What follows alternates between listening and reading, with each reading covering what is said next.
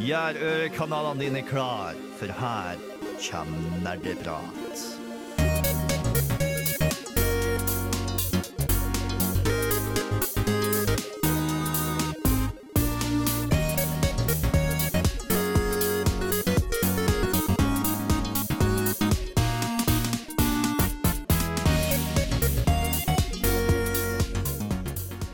Hallo og hjertelig velkommen til nok en sending med Nerdeprat. Vi er tilbake uh, uten Tommy, vel å merke. Uh, han er på toget på vei ned til, uh, til dama si, tror de. Men han er med oss in spirit, så shout-outs til deg, Tommy. Vi tenker på det. Anna, kan ikke du dra kjapt gjennom hva vi skal snakke om i dag? Ja, i dag så er det vestlige rollespill som står på planen, og det vil si at vi skal snakke om hva det vil si, hva det er. Men vi skal snakke litt om historien til vestlige rollespill, eh, hvor de kan lages fra når de kategoriseres som vestlige, ha en anmeldelse av Morrowind, og eh, snakke litt om karaktertrekk ved rollespill som er vestlige, da. Og hva som gjør det til sånne type spill. All right. Jeg gleder meg kjempemye allerede. Og nå eh, har, har det seg slik at vi har eh, visse gjester med i studio. Eh, hallo, Thomas og Tobias. Velkommen til dere. Hallo, hallo. Halla. Hvem, hvem er egentlig dere? Uh, Thomas, som du har lyst til å du, Jeg har jo vært her en gang før, før. uh, og jeg, jeg føler jeg er liksom spiritual liksom erstatteren for Tommy siden vi bor sammen. Eh, så jeg er roomien til Tommy, da, og så får dere høre meg om sånn tre timer til på Filmofil, der jeg vanligvis holder til. Som jeg også riktig. skal være med i dag. Så det blir en intensiv radioøkt på det i dag. Enn eh, du, Tobias? Yes, jeg er da vanligvis eh, i programmet Blyforgiftning, der jeg snakker om hardrock og metal, og trives med det. Men eh, hver gang dere skal snakke om vestlige rollespill eller bysimulator, så føler jeg en liten trang til å komme og henge med dere også. For du spiller jo litt spill til vanlig. eh, Ja, det blir mindre og mindre av det, altså. Det, man har liksom ikke tida ved siden av alt annet, men eh, det er ingenting som er som en eh, ensom fredag med litt jazz og en god bysimulator. Hva er en bysimulator? En bysimulator er eh, et spill hvor man eh, bygger en by på en eller annen måte. Eh, Typisk SimCity. Ja, okay. SimCity ok, så det er er sånn, jo ureksempelet. City Skylines er det sikkert mange som har hørt om. Ellers er jeg veldig glad i noe som heter Åh, Åh, hva heter det? Ja? Eh, nå har jeg glemt det. Uh, Cities uh, Det er samme City utviklerne som Skyline? Nei, det er samme Nei. utviklerne som City Skylines. City Skylines nevnte jeg jo nettopp. Eh, der, der man rett og slett styrer kollektivselskapet i en by, og ikke i så stor grad eh, styrer byutviklinga. Det er Ja. kjempegøy. Bygge T-bane og busslinjer og trikkelinjer. Og Hadde Når du, når du sa å sette deg ned og høre på jazz, så minner det meg om en kamerat av meg jeg var hos han i går. Eh, For han hadde da spilt 20 timer med Eurotruck Simulator. ja, For det han likte å gjøre, var å sette på radioen og spille det. Og der hadde han spilt i sånn 20 timer og bare hørt på radioen. ja, men jeg skjønner den appellen, altså. Så han hadde sittet og hørt på, liksom, på Radio Revolt og bare sittet i trafikk i en time for å lese sin. Det er liksom samme følelse jeg får av sånn Sim Simulator som du, klarer, som du forklarer da. Ja, ja, ja. Det, altså, Dama mi skjønner jo ikke at jeg gidder å sitte og se på en by som, hvor det regner. Så Tobias, du liker den følelsen av kontroll du har når du kan styre en hel by, liksom. Ja, ja, ja det, det gjør jeg. Jeg er jo arkitekt, så jeg har også da et, eh, en slags eh, forkjærlighet. Det er, det er studietid. Ja, kall det det. Hvorfor ikke? Kommer den indre diktatoren ut. han skriver timer. Uh, utenom gjestene så har du selvfølgelig også Anna og Torben, som vi gikk rett over her. Det var ikke meningen. Eh, men da har vi introdusert gjestene våre. Vi skal trille inn med nyheter snart uh, her på Nerdeprat. For det er jo spennende ting som skjer, Anne. Er det ikke det? Det er det. Nerdenytt. Nå går vi inn i Nerdenytt her på Nerdeprat. Og Anna, hva er det som er dagens headlines? Eh, Dagens headlines er blant annet det at uh, i dag faktisk så um, er det jo en Nintendo Direct-sending av Super Smash Bros. Den foregår vel akkurat nå. Den starta Nei. klokka tre i vår tid. Ja, klokka tre, så den er ferdig. Den er Utbrudd. ferdig nå! Å, ja, fordi det jeg hadde plukket opp av nyheter, var at det ryktes om at Nintendo 64 Mini ville avsløres i løpet av denne Direct-sendingen. Nei, det er bare grunnløse rykter. Åh, det var det. Det var mange som hadde spekulert på om det var noe som ville bli sluppet, siden de har hatt en nyslipping av Snes og Nes og sånn. Det la det gå litt tid, tenker jeg. Ja, det er avkreftet rykte. Ja, men Det er ikke noe, ble ikke annonsert noe sånt i løpet av den eh, directen. Det som ble, ble annonsert, er at eh, det får en slags historiemodus. Hvor du eh, Det er mange figurer og sånt i, i Super Smash-universet som har blitt til spirits. Ah. miste sin fysiske form, og så må du eh, klare utfordringer for å vinne dem, og da kan de være Gi deg uh, spesialboosts og sånt. Ok, Så det var mye spennende å by på nyheter der, eh, selv om det ikke var noe eh, CC4 Mini. Det har også blitt annonsert eh, to nye eh, fightere som joiner kampen. Ja. Det er eh, Nå husker jeg ikke helt om det er Ken eller Ryu. Det er Ken, kanskje, som ble tatt med. Og så er det en eh, Pokémon, flamme-Pokémon fra Sun and Moon. Kommer. Å, ok. Uh, det passer litt inn i neste nyhet, fordi det var jo også spekulert om Sans fra Undertale plutselig skulle være en del av karakterene i Smash-universet. Ja, Det det er en uh, lik som visstnok var ganske så overbevisende. Det var mange som uh, kjempet hardt og, i nettfora for å om at det, ja, det er sant, men nei. Nei, Personlig syns jeg det hadde vært veldig morsomt. Men i, apropos Undertale, Toby Fox han uh, i forgårs sendte en serie mystiske tweets hvor han snakket om at eh, etter 24 timer så ville det skje noe spesielt. Og i går så ble jo eh, spillet Deltarune sluppet på deltarune.com. Og eh, dette er da et spill som man ikke er litt man er litt usikker på om det er et helt spill eller om det er en sånn teaser til en oppfølger til Undertale. For Undertale var jo et veldig, det er et veldig kjent indiespill som han slapp for et par år siden. Og det er nå tilgjengelig gratis for nedlasting til Windows og Mac på deltarune.com. Og fans var veldig kjappe til å plukke opp at Deltarune er et anagram av ordet Undertale. Så det bare styrker jo eh, forbindelsen til eh, dette spillet. Men, men dette var eh, noe han bare slapp sånn plutselig, Ja, uten det- noe PR. Nei, han bare slapp det sånn Annonserte 24 timer i forveien. Eh, og apropos 24 timer, han har også sagt at eh, han ikke ville at fans skulle diskutere spillet før 24 timer etter at dette spillet var sluppet. Så det begynner å nærme seg. Ja, er, ja. Vi har passert tidspunktet, så nå kan du begynne å finne diskusjoner sånn på Twitter. Ja, altså nå, er, nå har vi eh, lov, for å si det sånn, av skaperen. Eh, men det som er stilig, er at det er sluppet, sluppet gratis, eh, så du kan eh, laste ned. Jeg gjorde det, og noe av det første som møtte meg, var en sånn eh, eh, Hva heter det? eh, disclaimer. Spill-disclaimer-vindu som kom opp for sånn eh, Er du klar for dette spillet, og vi påtar oss ingen skyld for det som kan skje, og sånn. Så typisk sånn bryte den fjerde veggen Undertale-stil. Uh, og jeg har prøvd litt av det, jeg skal ikke røpe noe. Jeg uh, tenkte først at oi, dette er enda sterkere på rollespillstilen. For man kan jo si at Undertale var en RPG. Som er det vi skal snakke om i dag. Det er det vi skal snakke om i dag, vet du. Så uh, da kan vi snirkle litt inn på det temaet. Kjempekult. Mm. Har du noe Og, mer eh, på lur, Anne? En liten nyhet til er at Castlevania er fornyet for sesong tre. Uh, Castlevania er jo en animert serie som har gått på Netflix nå. Første sesong hadde fire episoder, og sesong to, som ble sluppet nå nylig, Har den kommet ut? ja, den har kommet ut nå. Da har jeg noe jeg må gjøre, folkens. Jeg er syk, så jeg må gå. Ja, eh, den har faktisk dobbelt så mange episoder. Så det var fire episoder, åtte episoder nå i sesong to, og allerede nå har sesong tre blitt fornyet. Og den har da naturligvis 16 episoder. Nei. Det vet jeg ikke, kanskje. Bare blir lenger og lengre. Tommy? Nei, Thomas. som jeg Eh, nesten likt navn. Og så burde man også nevne at Steam Summer en Halloween-sale slutter i dag. Så det er mulig hvis man vil ha noe spill, så kan man komme seg inn der. Ja, For det er åpent nå. det har vært salg. Jeg så i går også at det er salg på PlayStation på skrekkspill. Det var det i går i hvert fall, så løp og kjøp. My wallet is empty. Ja, min er også ganske tom, eh, Nei, det ble et par spill på meg, det skal jeg ærlig innrømme. Hvilket spill da? Eh, Rim, eh, og så var det Serial Cleaner. Serial Cleaner? Det er et spill der du, vas der du blir kalt inn etter sånn brutal murder, så må du vaske opp før politiet kommer. Oi, Det er et kjempekult konsept. du forbereder deg på det virkelige liv? Er det Ja, det du eh, og så ble det Shadow of War, for jeg syns Shadow of Mordor var ganske gøy. Og så Ja. tenkte jeg ville prøve toren selv. Hvor, liksom, jeg har hørt at det er et bra spill. Det eneste folk mislikte med det, var den derre pay paywall-mentaliteten det spillet har. Så jeg var sånn Ja, jeg kan prøve når det var på 50% av. All right. Det høres veldig lovende ut. Tobias er tilbake med oss etter en liten utspurt. Oi, snakka dere om at jeg var ute? Eh, Nei, det er så ikke det. flaut. Jeg ville vente til du kom tilbake. I Bluefortning så prøver vi å holde sånne ting off camera. Ah, nei, vi deler alltid når det er Ja, shit. Det er, Der er ikke noe kamera, så alt er off camera. Det er, det er off mic du tenker på, kanskje. I tilfelle folk ja, lurte på ja, eventuelt. Ja. I tilfelle folk lurte på hvorfor du var så stille. oh, ja, ja. eh, Eller kanskje jeg bare ikke hadde noe å si. Jeg vet ikke hva dere snakker om engang.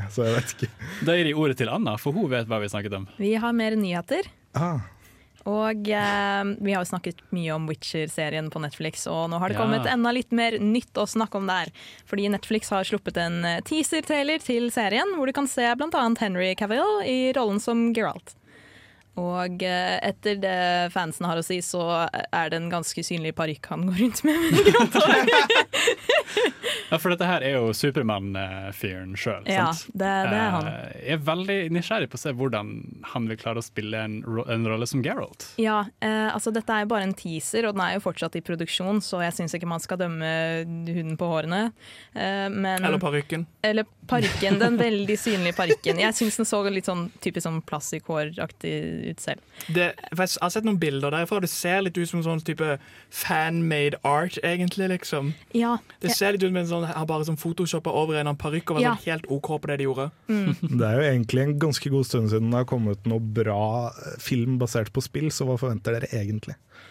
Castlevania gjorde det veldig bra, som vi har snakka om litt tidligere. Castlevania, ja. Animasjonen var jævla kul, syns jeg da. Eh, så jeg, jeg, er uenig, men jeg, vel- jeg skjønner veldig hvor du kommer fra. Det er, det er veldig mye dritt der ute. Er, Animasjon er én ting, noe annet Ja. blir jo live action. Vi Ja. skal ta det inn i virkelig verden. Har dere Altså- sett Doom-filmen, f.eks.? Å gud, nei. Men Super. nå er vi inne på sporet av en eh, annen nyhet her. Er det at det ryktes om at en Zelda-serie kanskje er på vei. Eh, Det er jo bare excuse me, princess!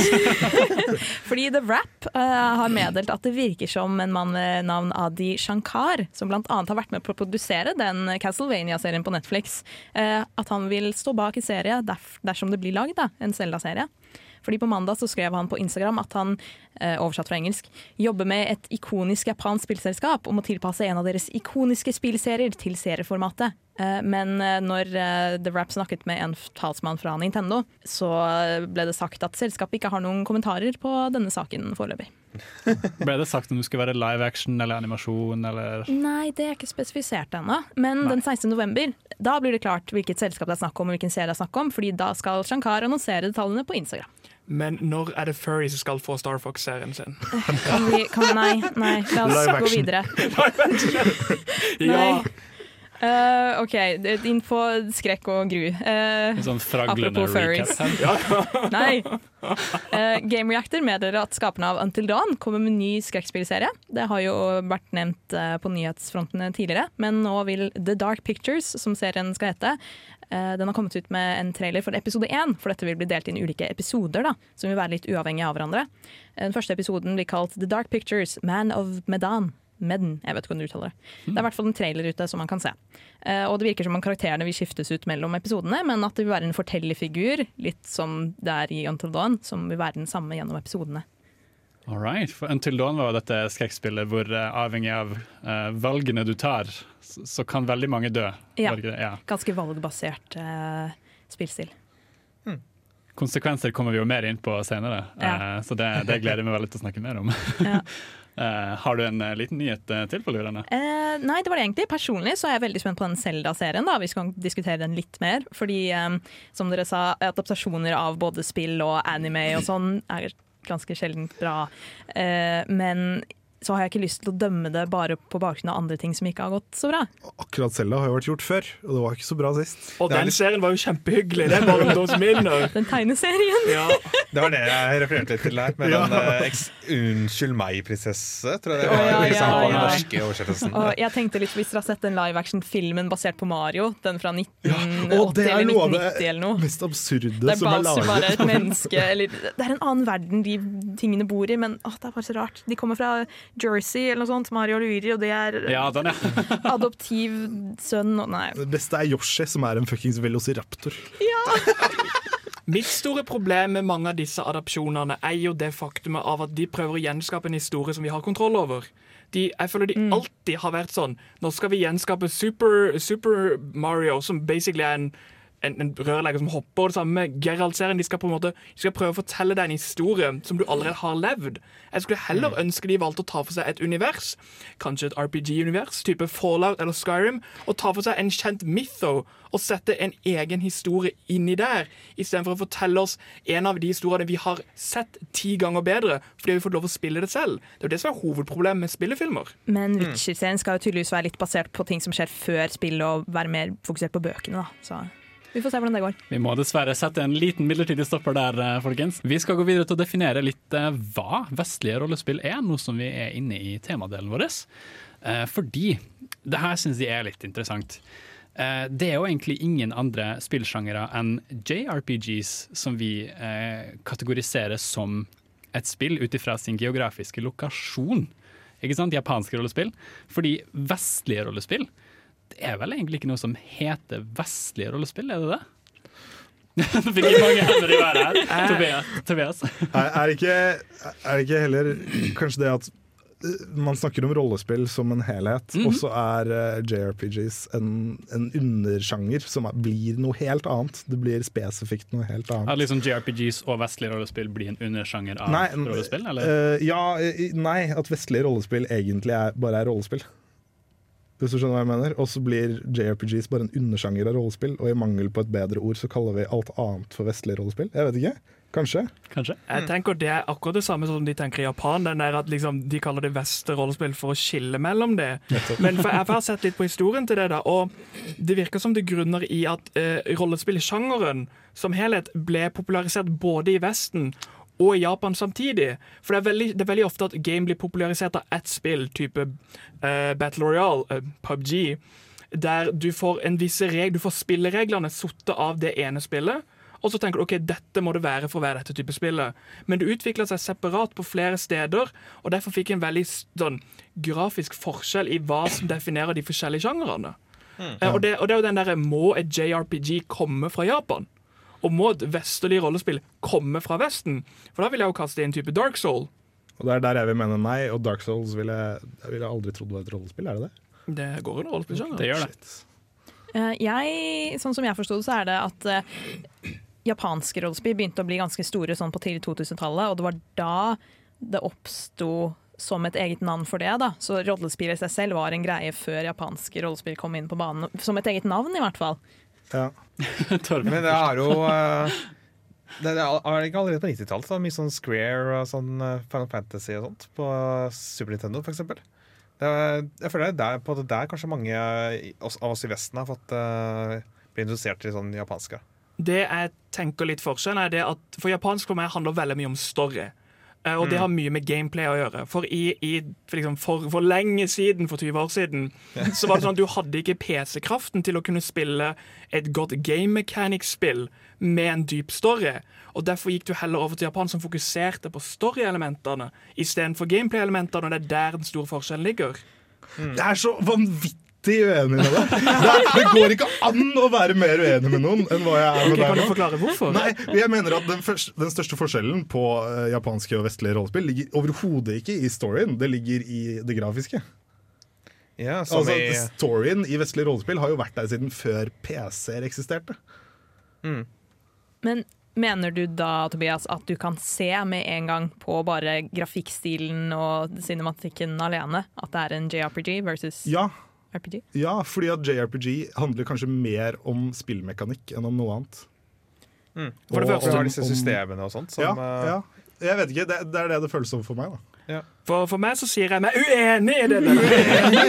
Eh, nei, men Jeg skjønner hvor du kommer fra. Eh, men min definisjon er ikke det at man går til japanske pga. storyen, men jeg sier det er hovedelementet i den type gameplay. Du går til spillet fordi du har lyst til å oppdage en, en innvikla, avansert story. Og det er derfor man begynte med de gamene som var de store storyspillene. Men hvordan i alle dager er vestlige rollespill ikke storydrevne når de har eksistert uten grafisk grensesnitt? Altså de har eksistert som For, for det første har de eksistert på penn og papir før de eksisterte digitalt i det hele tatt, men når de først ble digitalisert, så var de i utgangspunktet eh, tekstdrevne spill.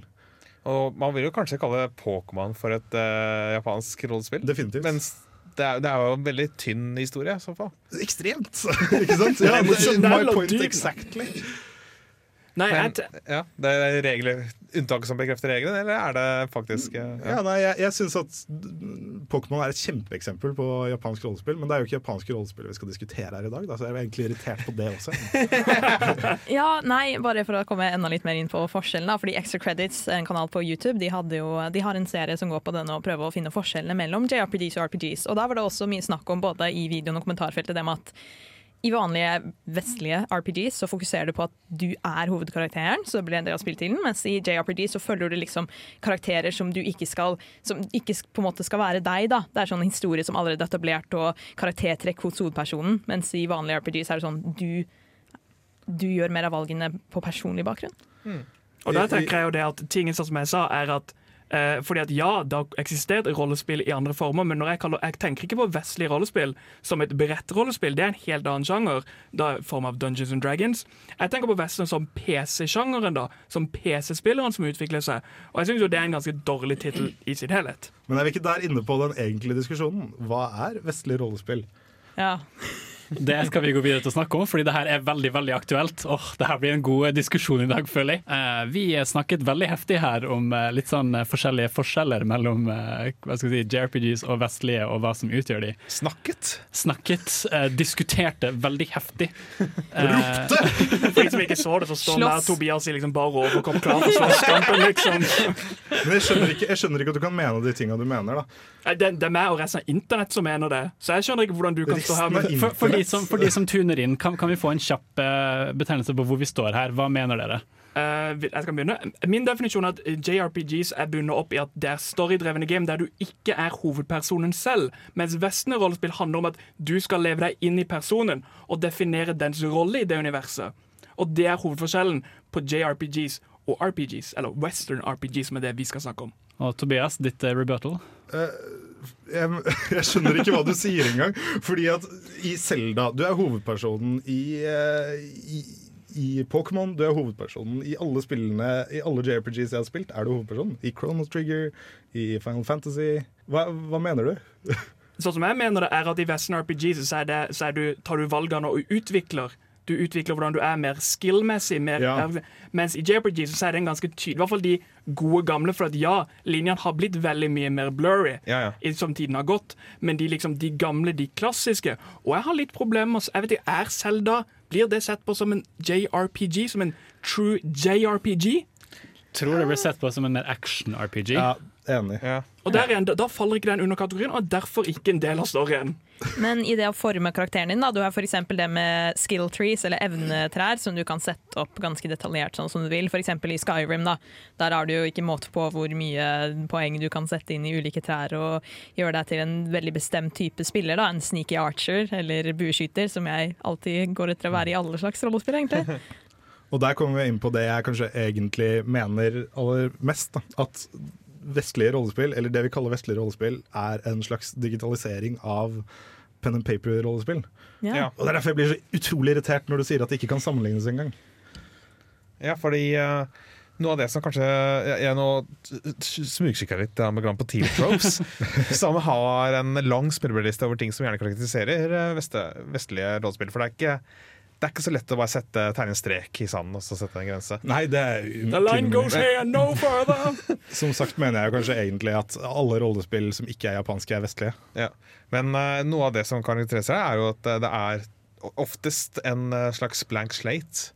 På en måte At spilleren er et blankt ark som du det- kan selv fylle inn. Og det er det du mener, da, Thomas? At, at det er en blank uh, Ja, flate? at du, eh, du går inn og skaper den sånn som du vil. Ja. Du kan velge å være en sneaky archer, du kan velge Ja. å være en swordfighter, du kan velge å være wizard. Du har en Eh, introsekvens, og så kommer det inn i Ja, character eh, det er veldig mange der du spiller rollen. I Pokémon for eksempel, så må du være en Pokémon-trener. Ja, og det er litt sånn sånn Sånn som DJRPGs jeg har spilt, så er det sånn at du har jo et team som du bygger opp med forskjellige slåsselementer. Ja. Og de er liksom sånn Du kan ikke bare si at vet du hva, min hovedperson skal nå være sorcerer, fordi at han har bonusene sine og er en, liksom, en defender. Liksom, det er Ja. Strength er hans side. Det er egentlig et veldig godt poeng at uh, i vestlige rollespill er man som regel aleine, mens uh, JRPGs mekanisk er bygget rundt det å ha et team.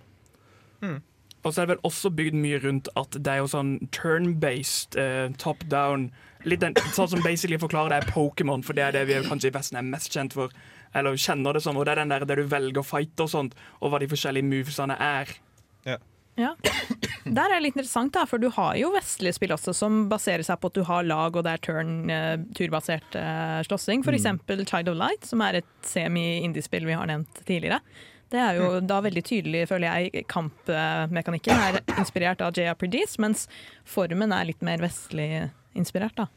Og det vi har nevnt nå, er at begge deler virker om, som å stamme både JRPGs og RPGs fra de fysiske tabletop-spillene som Dungeons and Dragons, som man oppdaget sikkert på ganske samme tid både i Vesten og i uh, Østen. Mm. Og Dungeons and, Dragons, uh, Dungeons and Dragons så starter jo gjerne med et sånn uh, character sheet. Et sånn ark hvor det står hvor inn eh, hvor, hvor, hvor god er denne karakteren til å snakke for seg. Hvor god er den til å gjøre sånn, og så kaster du terninger, liksom. Ja. Så det, du har mye av den med deg i mesterrollespillet, det at du eh, velger eh, hva den personen skal være god til. Og, ja. Ja, og så er det den der i, i vestlig spill, og det er igjen det, det er rar definisjon. Jeg tror det kan vi være enige om som en helhet, at det er en rar definisjon. Ja. Men det er veldig mye det der at du har veldig mye fra begynnelsen lov å velge hvordan du vil personen skal være til syvende og sist. Og der er det vanskelig å definere, for jeg vil ikke kalle Dark Soul en JRPG. Selv om den serien kommer fra Japan, Ja. så vil jeg Den er så langt vekk fra JRPG som du får det til. Uh, fra min side, da. Og Så har du sånne ting som Mass Effect og Deus X, hvor du er en helt spesifikk person, men du velger litt mer hvordan den personen skal utvikle seg gjennom spillet. Ja. Selv om utgangspunktet er det samme. Og det med å kunne forme hvordan karakteren din, hva slags gear du har, og hvordan du vil at rustningen skal se ut, det er jo mer og mer vanlig i alle slags typer spill, ikke bare rene RPGs. For eksempel God of War, det nyeste God of War. Det har en del rollespillelementer i seg, selv om det teknisk sett ikke er det. Det har jo blitt veldig liten forskjell mellom action-RPG og actionspill generelt i det siste. Ja. Men det er også veldig mye med de der eh, core reason til hvorfor man gamer RPGs, liksom. Ja. Som andre spill har valgt å ta inn i seg. fordi at eh, det er jo bevist at RPGs som punktum er et av de mest addictive spillene som fins. Vi skal snart få høre noe av Tobias her, for du har laget en anmeldelse til oss. Jeg har prøvd prøvd på det, i hvert fall. Det, jeg er ikke vant til å gjøre sånne ting på, med musikk, så eh, vi gjør et ærlig forsøk. Oh, jeg gleder meg veldig. Det blir utrolig kult. Det skal være en anmeldelse av Morrowind. Vi skal langt tilbake i tid, rett og slett. Radio Revolt. Wake up. We're here. Why are you shaking? Are you okay? Wake up. Stand up. there you go. You were dreaming. What's your name? Etter en uforklarlig feberdrøm som du nesten alt har glemt, vekkes du av at en mørkalv med et digert arr over øyet og en stemme verdig nattens ridder spør hvem du er.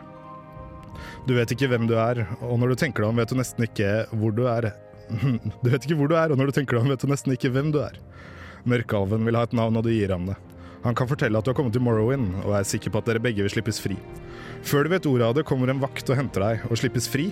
Ja, det gjør du. Allerede i løpet av den korte opplæringssekvensen der du bygger rollefiguren din bit for bit, blir du i førstepersons perspektiv servert en 3D-verden som i 2002 virket mer levende og ekte enn noen annen. Når man plutselig befinner seg aleine i et rom, tar det en ikke lang tid å skjønne at alt kan stjeles. Du rasker med deg noen brød og en dirk, og ikke minst alt sølvtøyet som åpenbart vil gi klingende mynt til kassa. Jammen finner du ikke en magisk ring i ei tønne også. Du skal til Balmora. Du kunne gått om du ville, men det er et godt stykke dit, og det vil ta sin tid. På veien ville du imidlertid funnet en rekke interessante avstikkere. Du velger å benytte deg av regionens helt særegne transportsystem.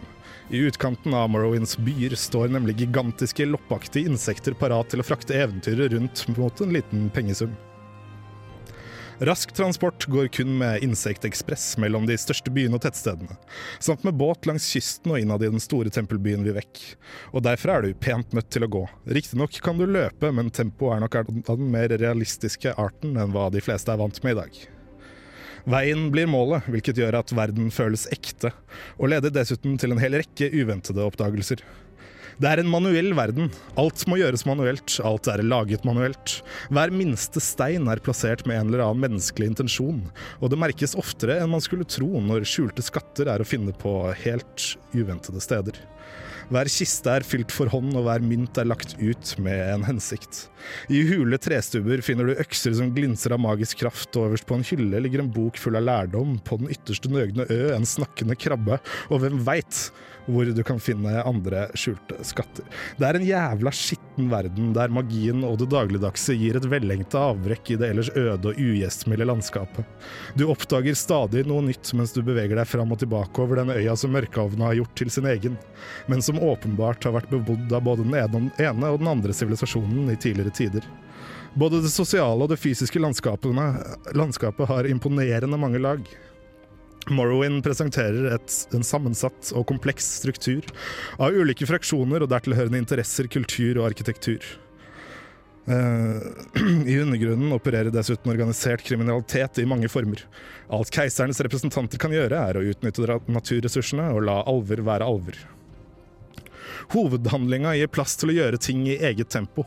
Du oppfordres raskt til å faktisk til å vente med de handlingsdrivende oppdragene for å styrke egenskapene og gjøre deg kjent med stedet du har havnet på. I begynnelsen er du ingen. Ingen tror du er noe annet, og ingen forventer noe av deg. Det tar lang tid å bli noen. Når du sakte begynner å skjønne at du kanskje har en spesiell rolle å spille i dette stedets historie, er det ingen som tror på deg heller. På samme tid som den komplekse verdenen oppleves som noe nytt og annerledes, er det en verden du kjenner deg igjen i. Det er lett å nikke anerkjennende til konsepter og referanser hentet både fra historiebøkene og fra mer fantastiske fortellinger. Alle elementene har du på en eller annen måte sett før, men det er komposisjonen de utgjør som her gir spilluniverset en rikdom og dybde som alle eventyrspill burde strebe etter. Du føler deg isolert, ekte og liten i denne verdenen, og nettopp det åpner mulighetene opp på en helt annen måte enn i mange andre sandkassespill. Det er i spill som dette det blir tydelig hvorfor rollespill passer som hånd i hanske i en åpen verden. Selv om det nok ikke lar seg gjøre å komme gjennom spillet uten å være gjennom i alle fall et knippe slåsskamper, får man inntrykk av å få mye igjen av å fokusere på andre egenskaper enn de fysiske. Mulighetene for å tilpasse og spesialisere rollefiguren med akkurat de egenskapene du ønsker deg, er om mulig mer uendelig enn utvalget av utstyr og lesbare bøker som finnes spredt og gjemt med omhu både høyt og lavt. Går du feil vei, eller trekker for langt under en utforskning, støter du fort på et problem du nok ikke har hatt i et sandkassespill på en stund. Du kan rett og slett gå inn i et område du ikke på langt nær er klar for, og som gir deg tilsvarende massiv motstand. Om du kjemper deg gjennom det eller tar hintet, er imidlertid helt opp til deg, og der motstanden er stor, er belønninga som regel tilsvarende. I Morrowind er det nemlig ingenting som tilpasser seg ditt nivå. Det er du som må tilpasse deg omgivelsene. Ferdighetene dine utvikles ved å bruke dem, og hvor god du er til noe, utgjør helt og holdent utfallet på handlingene du prøver å utføre. Det kan i dag føles uvant, klumsete og unødvendig at slag som etter animasjonen ser ut til å treffe både hardt og godt, eller en forsiktig innsiktet pil bommer totalt fordi resultatet helt og holdent utgjøres av usynlige terninger. Likevel gir denne mekanikken en, ekstra, en hel ekstra dimensjon av muligheter som tidligere var selvskreven, men som her på ypperlig måte blir presentert i mer, et mer eller mindre moderne førstepersons 3D-rollespill i sanntid. Spilleren trenger nemlig verken være rask, fingernem eller smart. Det er ikke hans egenskaper som står i høysetet, men derimot rollefigurens. Dette er ikke en anmeldelse så mye som det er en påminnelse om hva et rollespill kan være. The Elder Scrolls 3 Morrowind representerer noe helt annet enn mengden action-RPG-er, MMO-er, virtuelle filmer og sangkasser som har kommet i årene etter. Spillet markerer i så måte både avslutninga på en æra og begynnelsen på eventyret som skulle komme. Spillet la grunnlaget for det som har gjort etterfølgerne Oblivion og Skyrim ekstremt populære, men forsøkte heller å vise hva som var mulig innenfor tidas rammer, enn å bryte ut av dem.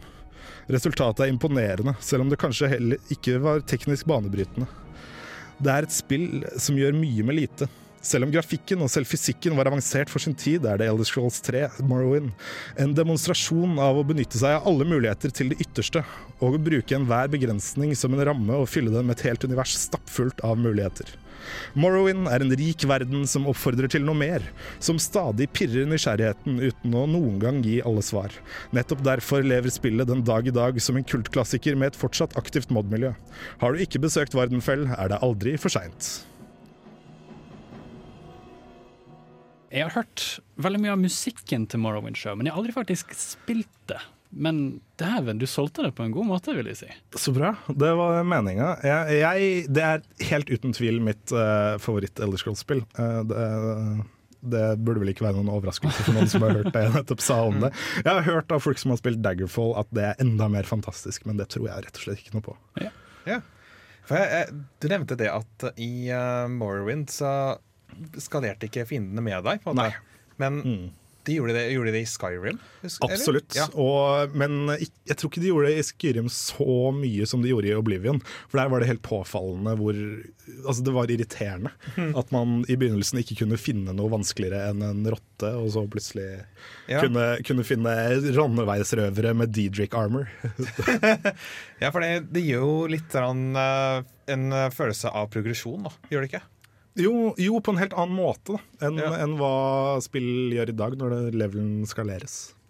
en ting som irriterer meg med moderne spill. For det, for det du fortalte, den der gå inn i hula og liksom bekjempe fiender som er liksom ti leveler høyere enn det. Ja. Du føler deg jævla god når du har gjort det. oh, ja. Men det som irriterer meg som faen, er at utstyret du finner, også er level-basert. Er det sånn i Morrowind? Ja, det er, altså det er ikke skalert, nei. Nei, nei, jeg mener er det sånn at på en måte, ok, Når jeg bekjemper level 20 fiender og jeg er level 10, er det sånn OK, jeg får level 20 loot? Ja, ja. Ok, Så det er sånn at basically den rewarden du får, kan du ikke bruke for jack shit. Jo, jo. jo. Hvorfor skal du ikke kunne bruke det? For du er jo level 10. Ja, Ja, men det er kanskje ikke adgangsbegrenset sånn Nei, nei, eh, ikke i det hele tatt. Levelen er jo bare Det er jo bare, hvor, det er bare tall på hvor god du er. Ok, for at I mange spill så er det sånn at du må være level 20 for å kunne ha på deg level 20-utstyr. Ja, det tror jeg ikke gjelder i Morrowind. Det er en er veldig- veldig lenge siden jeg har spilt. For Det er en veldig irriterende ting med spill når du liksom har bekjempa folk som er ti leveler høye enn deg. Så å ja, utstyret kan ikke jeg bruke om før om tre, fire, ni Ja, timer til. jeg er ganske sikker på at du kan bruke det i en hvilken som helst Og da er det jo eh, faktisk level, altså. chill, for det er noe som irriterte meg veldig mye. For jeg spilte The Witcher, som er også et ikonisk eh, rollespill. Ja, det er én, eller? Nei, tre. Oh, ja. Der jeg klarte å rote meg er pokker i vold. Jeg tror jeg var sånn 20 leveler over der jeg skulle. Eh, Og hadde liksom slåss med harpies i fire timer. Og så fikk jeg equipmentet, og bare ja, det er 20 leveler til du kan bruke det. Og rage quitta jeg det fucking spillet. Det var så piss. Og så klarte jeg å finne veien tilbake, for jeg har ikke det fuckings minimappet. Nei, det er absolutt ikke et problem i Morrowind, det der, altså. Men eh, jeg må innrømme at eh, når jeg tenker på de RPG-spillene jeg har spilt, så er det eneste sånn rene er egentlig Skyrim. Og det er jo liksom to spill Ja, det blir to spill etter Morrowind. Ja. Du har spilt eh, begge deler, eller? Absolutt. Hvordan eh, ville du sammenligna de to i dag? Uh, jeg syns Skyrim er mer imponerende grafisk og mekanisk. Det, det er det ikke noen tvil om. Men, uh, men Morrowind er, som jeg prøvde å påpeke i anmeldelsen her, at det er helt vanvittig mye friere. Ja. Ikke, og og det, er, det er friere på en helt annen måte, fordi at i Skyrim så kan du gjøre hva du vil. På en måte. Men i Morrowind så kan du være akkurat hvem du vil. Eh, Ok. og, og du føler deg aldri pressa til å delta i hovedhandlinga engang. Altså, jeg, jeg gikk rundt og, og følte ikke at altså, det, Man blir ikke sømmena til eh, toppen av Haya Rotkar og, og, og sånne ting. Man bare ja, Kan ikke du, etter at du har, når du føler for det, bare gå og snakke med han fyren der borte? Liksom. Så, ikke, no, no hurry. ikke noe hast. Jeg Det var egentlig utrolig kult, og også litt skremmende synes jeg at du hadde så mye frihet. Det virka som du, du, du blir liksom kasta ut Ja. i en gigantisk sandkasse og bare ja, vær så god, gjør noe ut av det sjøl. Ja, ja, er det litt sånn. På en måte, men du har jo alltid noe å gjøre, da. Det er jo sånn som i, i både Oblivion og Skyrim at du, du møter jo folk som vil noe av deg hele tida. Folk som ber om tjenester og altså, du, du går jo ikke tom for ting å gjøre. Det man gjør i You are the only one who can help us. Det blir liksom Men, det er aldri, det er aldri, men man får aldri den følelsen. Før, før litt så, ganske langt ute i mainquestet så får man ikke den følelsen at man er noe spesiell.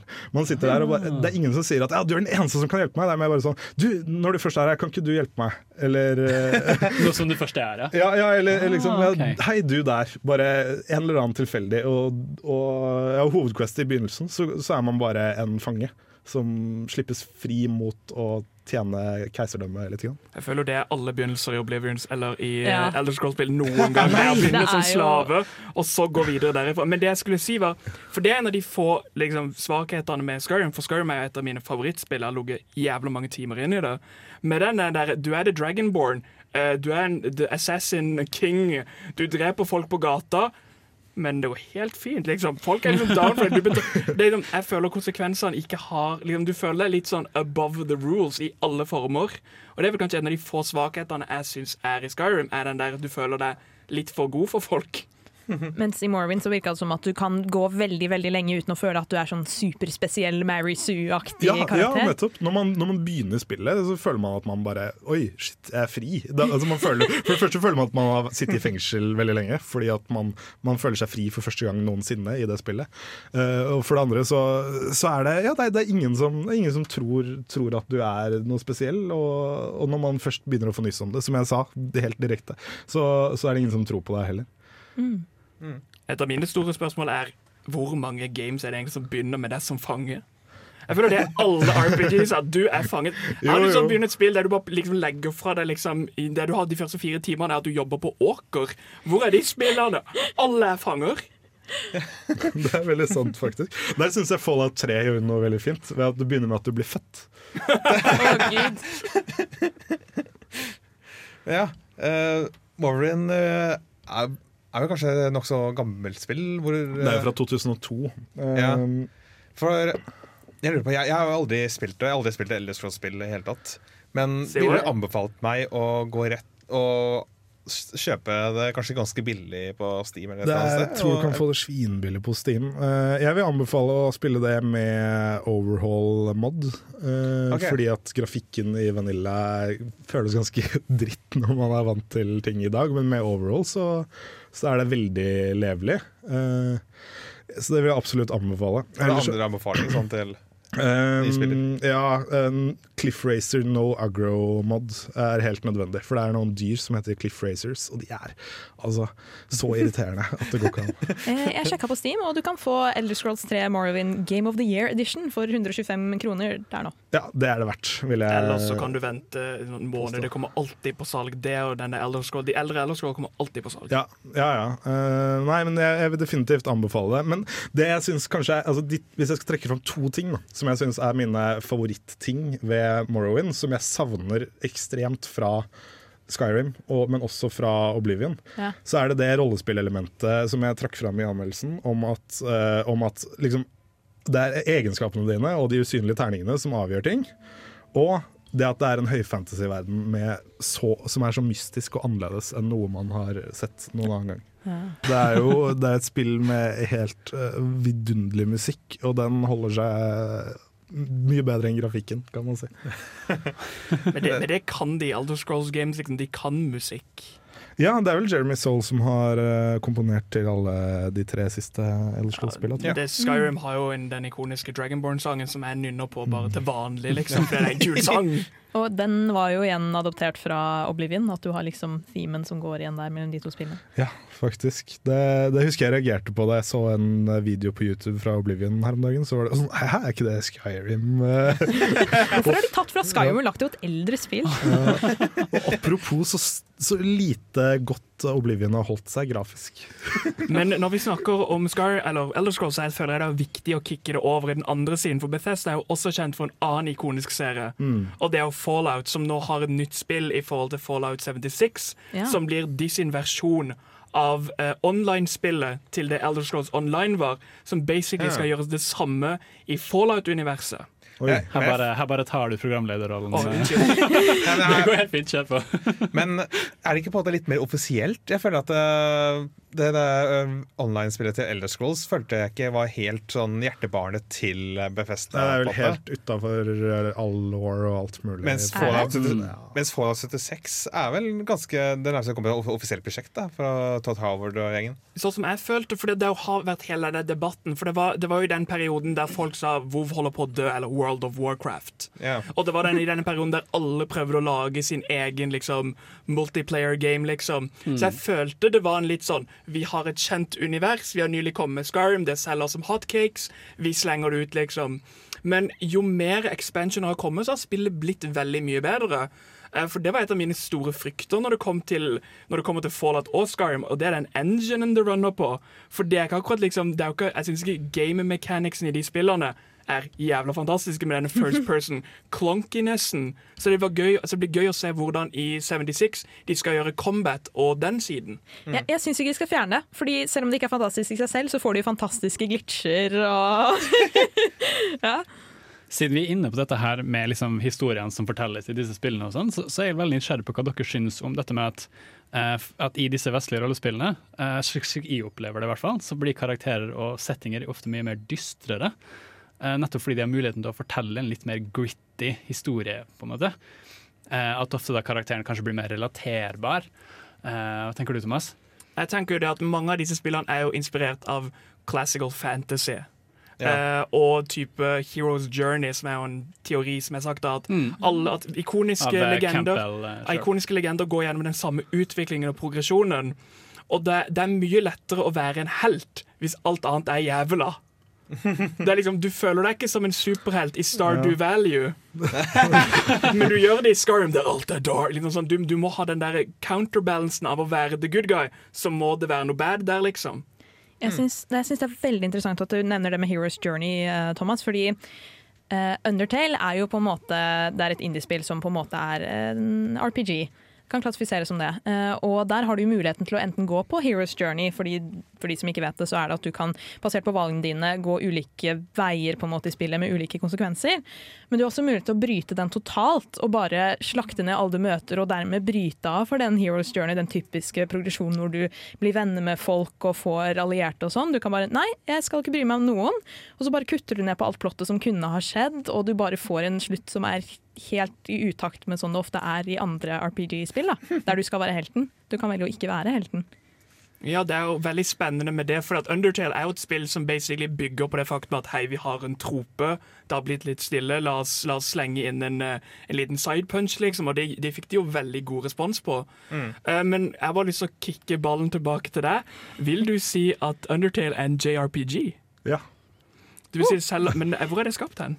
Jeg vet ikke. Jeg håper det er Japan, for da hadde det passet perfekt Jeg har ikke spilt det så mye. Det minner meg på at jeg må, jeg må komme meg tilbake til Undertale eh, snart. Ah, ok, Da skal jeg ikke spoile for mye. Jeg skulle bare si Det er en indieutvikler, indie-utvikler, Toby Fox, han er fra USA. Men det er jo veldig sterkt inspirert av Earthbound, som er et uh, utvikla i Japan. Ja, og det er jo et veldig bra JRPG, vil jeg påstå. Um, jeg syns du har noe rett i det du sier med at uh, vestlige rollespill har en anledning til å være mer gritty. Kanskje ikke nødvendigvis anledning, men de har en tendens til å være det. Fordi de ønsker nettopp det vi skal snakke om veldig snart, det å, det å ta vanskelige moralske valg. Og det er egentlig noe som har kommet uh, ganske etter hvert. For i, i den tidlige, som du snakka om, høyfantasiens barndom, så var det 'Ringenes herre', det var det gode mot det onde, og du kunne bare være de snille. I, i begynnelsen i Dungeons and Dragons så gikk det bare an å være de snille. Det var etter hvert at du kom sånn ah, hvis du vil spille bad guys, så har du muligheten her. Og akkurat den samme progresjonen har du på en måte hatt i uh, vestlige rollespill. Man, I begynnelsen kunne man bare være de snille. I Morrowind så har du faktisk ikke anledninga til å uh, velge den slemme side, men hadde Morrowind vært laget i dag, så er jeg helt sikker på at du kunne tatt side med Dagot Yr og kjempet mot uh, Vivek, som No spoilers, men viser seg kanskje ikke er helt rent mel i posen, han heller. Men det har jo blitt også overført i Skyrim. Du har ikke muligheten til å join up with The Great Dragon og utslett. Det hadde vært veldig gøy å, å spille bare. Vet du hva, nei, jeg skal ikke være Dragonborn, jeg skal bli Dragon Rider isteden. Og så blir det Eragon. ja, men, men eksempel i Fallout da, er et veld, veldig tydelig eksempel på der, der I de første Fallout-spillene hadde man jo overhodet ingen mulighet til det, men nå kan du veld, i veldig stor grad ta side med akkurat hvem du vil. Og skape din egen historie, og da blir det nødvendigvis mer gritty også, fordi at alle moralske Du, du, må, slitt, du må gjøre moralske valg vanskelige. Mm. Det er veldig lett å ta side når den ene dreper for fote, og den andre prøver å redde menneskeliv. Eh, Vi er jo så vidt eh, inne på eh, konsekvenser, fordi i disse ja, mer typiske vestlige rollespillene vi har nå snakket om, så er ofte dette med konsekvenser eh, veldig Det er noe som oppstår igjen og igjen. F.eks. Eh, en liten jente som du eh, ikke henter teddybamsen til, vil plutselig si i en liten tekst She will remember that. Og så kanskje 15-14 timer senere i spillet så kommer da handlingene tilbake og hjemsøker det. Um, Sjøl kan jeg jo si at i Witcher 3 eh, så opplevde de det her mye. Det er en dame du hjelper på starten eh, som ligger i koma, og du kan vekke henne eller noe. Eh, og så viser det seg at du kan egentlig ikke hjelpe henne. Eh, du kunne egentlig la henne dø, eller prøve å vekke henne. Eh, og du finner ut nesten nærmest slutten at hvis du prøvde å hjelpe henne, så kommer hun tilbake i et slags koma som en slags grønnsak. Og får egentlig aldri dødd. Og de som da var rundt henne, vil fortelle deg at liksom, du skulle bare latt henne dø. Nå, nå har du liksom latt oss lide med alt dette her, og, og jeg, bare, jeg bare tenkte shit, jeg ville bare hjelpe. Hva er det jeg har gjort? Uh, mens hvis du da velger å drepe henne på starten, så føler du det helt shitty da òg, sant. Eh, så det er liksom no way to tell. Ja, jeg har akkurat begynt på The Witcher 3 selv, så det er godt å vite at jeg har det i vente. You have no idea. Og så føler jeg Når man snakker konsekvenser og rollespill, så er det jo alltid sånn at hvis ikke du gjør main storyline, så kommer verden til å bli utsletta. Det er liksom ikke sånn, det, det er alltid det, det er end goal. og Det virker som det er en sånn klubb de må alle være medlemmer av. og Det er liksom destroying the world. You are our only hope-klubben. Ja, ja. Ja, men det er jo, akkurat det er jo nettopp det jeg syns var så behagelig i Morrowind, som jeg syns er plagsomt i Oblivion og Skyrim. Men uh, The Witcher, ja. Uh, det er jo nærmest Eller det må være den første gangen jeg opplevde noe lignende det du sier. Akkurat samme, akkurat samme settinga. Men det var på The Witcher 1. i 2007. Jeg har ikke spilt toeren og treeren fordi jeg aldri ble ferdig med eneren. Jeg har aldri spilt eneren og toeren, faktisk. Eneren, eneren er helt fantastisk. Det, det er mange som klager over combat-systemet der, men det er jo fordi at det ikke er et action-RPG i det hele tatt. Det er et RPG hvor, øh, ja, akkurat som i Morrowind, så er det skills. Altså hvilke skills du har i fighting som avgjør. Hvor, Fordi jeg har liksom bare sett det ut ifra klippet til uh, Noclip sin dokumentar, liksom, når de intervjuet da disse polske skaperne Mm. av spillet, og, og fikk sett liksom hvordan det så ut. da. Ja. Og det, det, det slo meg som litt mer kanskje typ sånn Elder Scrolls-stilen. på en måte. Ja, og så er det jo top down eh, jeg husker, Det er vel ish isometrisk, til og med. Så, så det er liksom litt mer uh, Boulders Gate-aktig, Ja, kan du si. Men eh, games som er verdt å spille, eh, og de er på salg nå på Steam for sånn 20 kroner for eneren og toeren, liksom. Så det er verdt å plukke opp. Hvis man har en 40 kroner liggende, så er det et spill som er verdt. For det er litt sånn som uh, Morrowind. Du, du merker Ja. Treeren er den beste i det universet, men du merker veldig godt hvor det kommer fra. Og alle som har spilt Witcher og ikke spilt de andre, vet at det kommer et punkt i den storyen der du bare spammer events og håper på at du ikke har sluppet løs en eller annen sånn mass murderer. Ja, det ja, men det er det som er så kult. Første gangen jeg spilte The Witcher 1, så, så, opp, så forventa jeg ikke den store konsekvensen av den bitte lille handlinga jeg gjorde. Eh, For det var helt nytt på den tida. Det virker som en, en veldig god måte å håndtere RPG-formatet på. Det at du får, det er ikke tydelig hva konsekvensen av valgene dine vil være. Ja. Du kan ikke forutsi sånn at det blir kjedelig. Det er sånn OK, jeg, jeg føler på meg at dette kommer til å ha noe å si, men jeg vet ikke hva. Og så får Mm. du det se det mye senere, liksom. Ja, men Noen ganger har man ikke den følelsen engang. Det, det er veldig kult. For det er vel en av de angående jokerne jeg har med Fallout 4 og med Skyrim, er den derre Your only hope! Men det går fint om du plukker planter de neste 40 årene. Eh, Fordi at kidnapperen av din sønn eller The Destroyer of World, de venter på det. liksom. Det, det, det hadde vært veldig gøy om det var sånn Å nei, nå har det gått en måned in game time, verden er ødelagt, du, du må begynne på nytt. Det hadde blitt så gøy hvis jeg hadde bare måttet resette sånn. Det er vel en av tingene folk kommenterte på til Selda Zelda Breath of the Wild, det med at eh, du må redde hele verden fra Ganon, men du kan egentlig bare gå rundt i timevis og gjøre alt annet. Apropos Selda, er det jo akkurat det Majoras Mask gjør. Ja. Det er de tre dagene, så That's true. ja, Dawn of the final day. Det er faktisk interessant at dere nevner akkurat det, fordi jeg husker å ha hørt om et eksempel i Det heter vel Deus Ex-makene eller noe sånt? Deus Eh, Ex. Deus Ex, beklager. Uh, hvor uh, du liksom går rundt på starten og quote me, altså, eh, correct, correct me if I'm wrong, eh, men du får beskjed om at du må skynde deg, det er folk der borte som trenger hjelp. Og så tenker du ja, ja, jeg kan gå og sjekke litt i søppelkassen her, oh, er det noe spennende her? Kanskje her er det noe spennende? Og så plutselig hører du at det eksploderer. You were too late. Det er en ting som er i nyere rollespill, sånn som Mass Effect, at ting du skal si, særlig når det er ting du må svare på, så er det ofte tima. Sånn at du har bare kanskje opptil fem sekunder på deg til å velge et svaralternativ, og så bare faen, hva skal jeg velge? Faen, faen! Nei, det var feil! Faen! Skal jeg la Triss gå på denne båten, eller skal jeg, eller skal jeg ah, The choices. Witcher 3. En av de gøyeste easter eggene på det er Far Cry 3, der han sier uh, Oh, wait 15 minutes and I'll be back. Og det er da man skal begynne å spille med å løpe av gårde. Hvis du sitter de 15 minuttene, så kommer han tilbake, flyr deg til der du skal kaste asken, og så er gamet over. Du kan bypasse hele spillet med å bare sitte og vente. Men det for det var et problem, for det er jo en stor debatt eh, innad i rollespillmiljøet, er jo det at mange er jo sånn, det er pen and paper, og mange har jo den tanken at da skal du også, du skal, le, du skal ha en tekstlinje, og så skal du lese det. Eh, I Konix så hadde jo ikke Fallout en stemme før i fireren. Og det har vært et, et problem. I treeren hadde det masse stemmer. Ja, men at du har, du har sånn full on valg der du, der, der du selv har en stemme. Oh, ja, sånn, ja. Eh, Der du selv har Ja. en stemme og du er en person, fordi du fikk lov å velge veldig mange forskjellige versjoner. Men Mm. i Fallout 4 så merker man veldig tydelig av at du blir veldig låst i universet, fordi at det er bare et visst linjer du kan si. Du hører på Radio Revolt, studentradioen i Trondheim.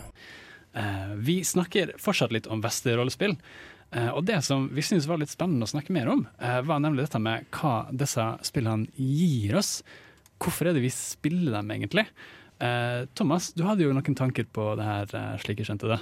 Ja, eh, for jeg har jo sjekka litt sånn hvilken spill som blir spilt mest, og det er jo by far rollespill som dominerer de listene. Fordi at du kan jo si at sånn type Fifa bringer flere, men det er jo det at det er jo flere spill som er gjentatt. Jeg tror ikke så mange spill har så mange timer som man får ut av et enkelt rollespill. og Derfor folk kjøper Nei. det. Den nye 300-timer-gamet, liksom. Det er liksom den som de kaster rundt hele tida, er 300 timer. Uh, og det er jo fordi at man får så mye tilbake, føler man.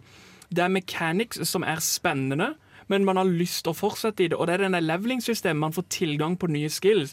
Man klarer nye bosser. Det er bare så mange områder å føle at du succeeder på. Jeg syns også det er viktig, men personlig så Oi, eh, det var borti mikrofonen. Personlig så Det som gjorde at jeg tilbrakte sånn 300 timer eller sånt i Skyrim, til og med uten mods, uh, det var det med utforskningsaspektet ved masse rollespill. At du har en åpen verden som du kan bruke så mange timer på å først finne ut av hva som er der, og så komme tilbake til det senere og bli kjent med hele kartet. Vite hvor enhver stein er omtrent. Uh, Og det er jo også noe som gjør rollespill populære, tror jeg. Definitivt. Og så er det litt av den gode gamle klisjeen med å kunne være noen helt andre enn den man er i virkeligheten.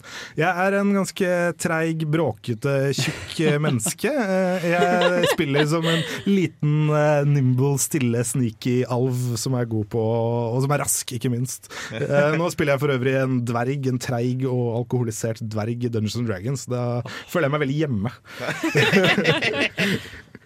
Det er ikke noe du får gjort ofte i virkeligheten. Uh, Jo, den dvergen er meg, Eh, men, eh, men i Elder så har jeg alltid vært Woodalf av en eller annen grunn. Og så er det jo også det der med hva som er sosialt akseptabelt å gjøre.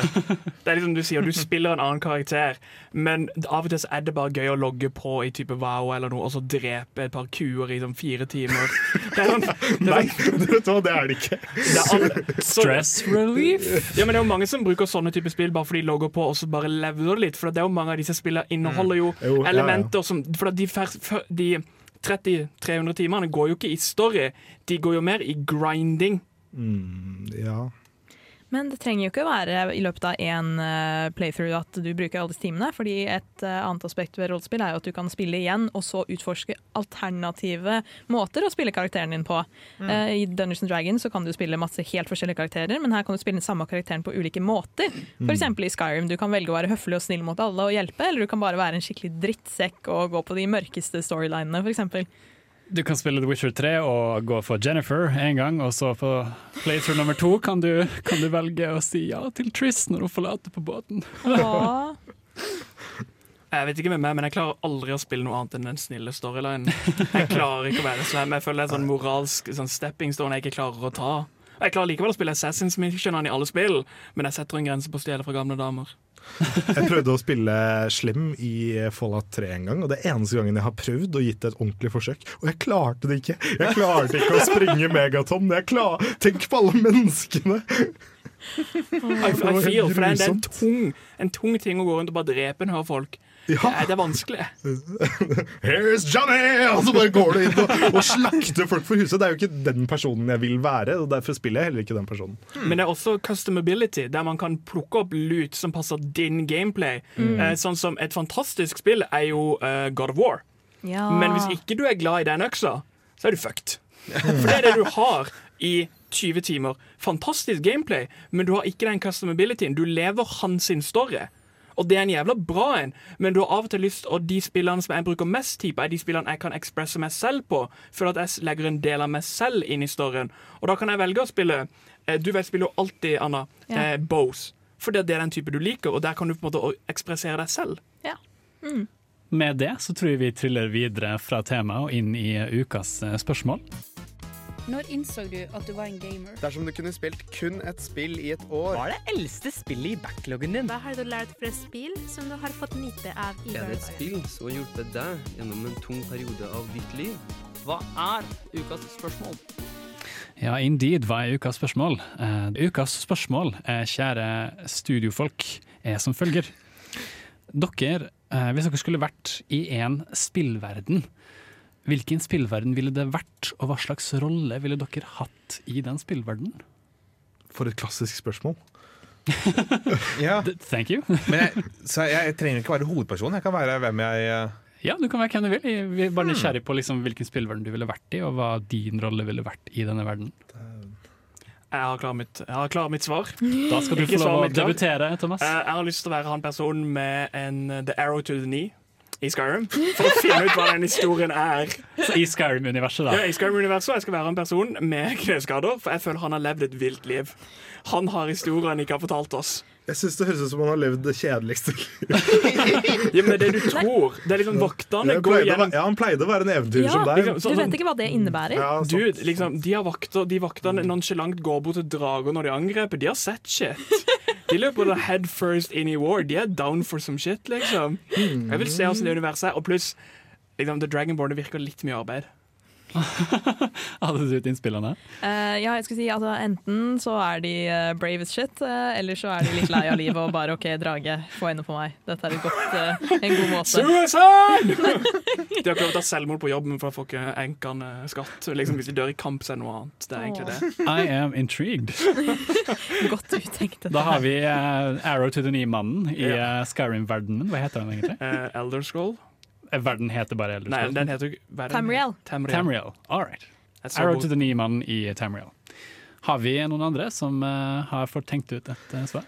Jeg tenker litt, jeg syns det virker behagelig å leve i den verdenen der uh, den lengste reisen og drømmefall utspiller seg.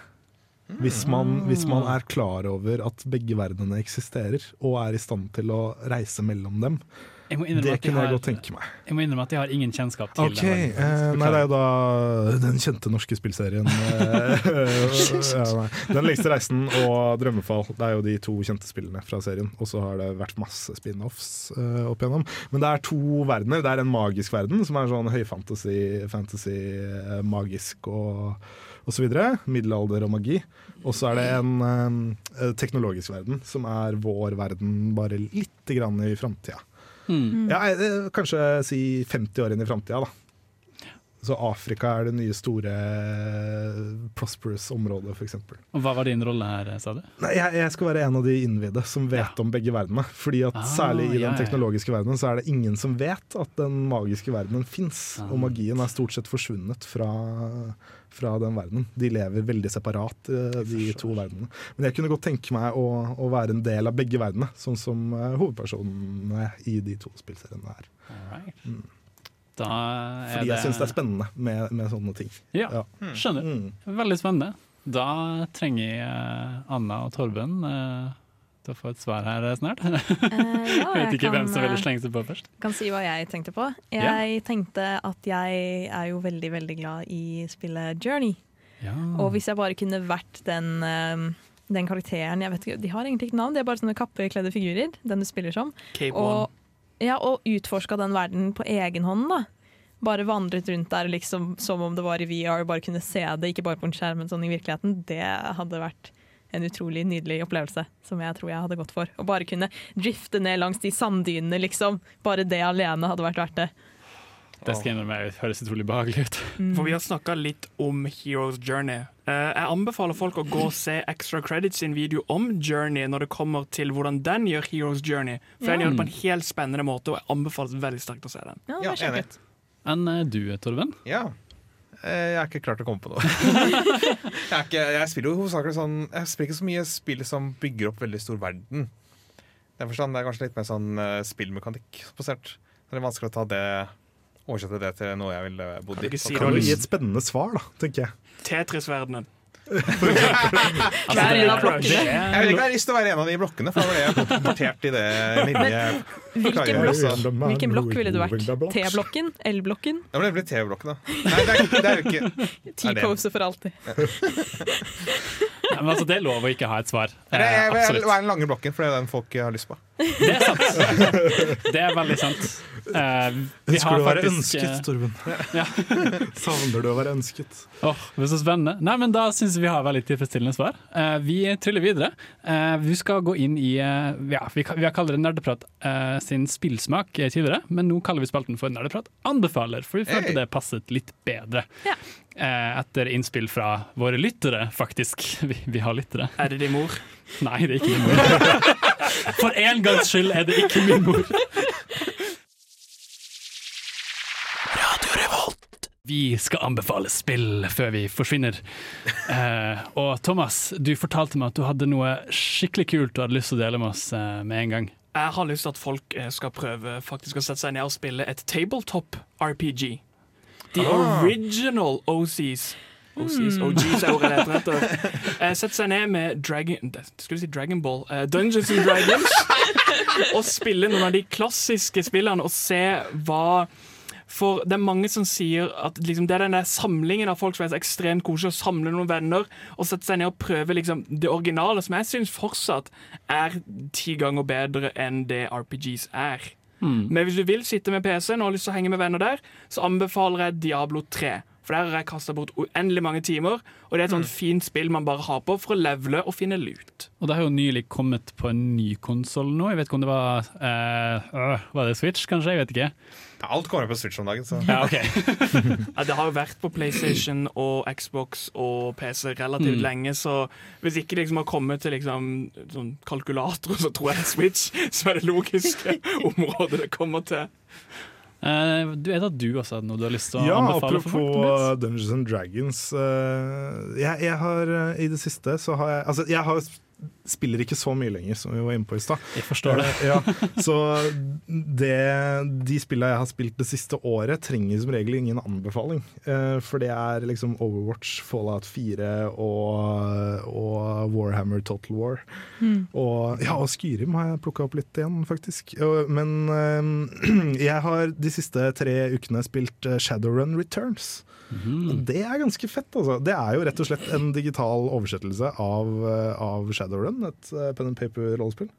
Ja, det har, eh, jeg har alltid assosiert Shadowrun med Elder Scrolls-familien. er, det, er det Det det? har ingenting med det å gjøre. Okay. Det er, eh, det er penn og papir-rollespill fra 80-tallet, som det har vært uh, laga digitale versjoner av tidligere på 90-tallet. Men Shadowrun Returns ser veldig crisp ut.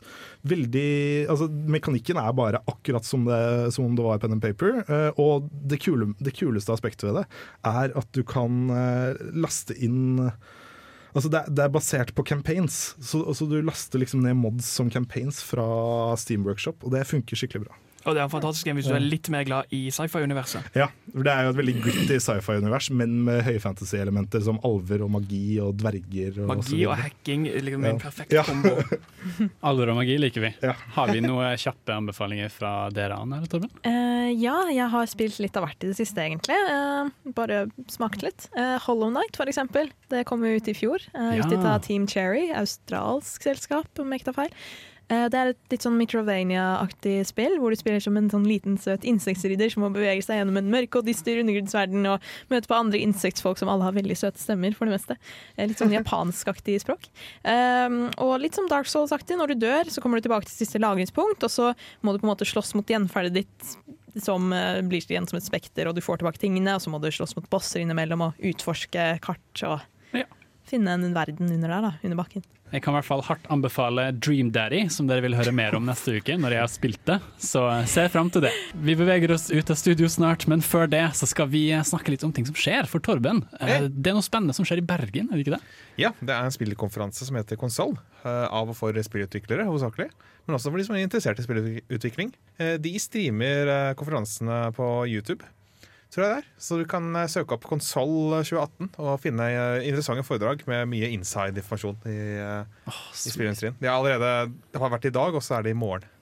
Apropos streaming, så har også Games Done Quick hatt et eh, ekspressarrangement som var nå den 26. til 17. oktober. Eh, Så de begynner nok å laste opp litt videoer fra speedrunning og sånn, eh, hvis folk har lyst til å se på det. Mm. apropos det, gjestene våre, Thomas og Tobias, eh, hvor kan folk høre dere ellers, nå som dere snart dør? Hør meg gjerne på Blyforgiftning hver tirsdag klokka seks på denne kanalen, Radio Revolt. Vi snakker om hardrock og metal og alt midt imellom og rundt omkring.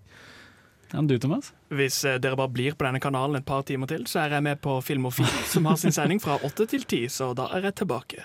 Fantastisk. Eh, neste uke skal vi ha sending om litt sånn farsdagstemaer og sånn, så da får vi litt mer Dream Daddy blant annet, som vi hypet opp. Ja. Utenom det, tusen takk til gjestene våre, og tusen takk for oss i Nerdeprat. Her får du I Fucked Up, I Was A Child fra Le Big Bird. Ha det bra! Ha det! Takk for meg.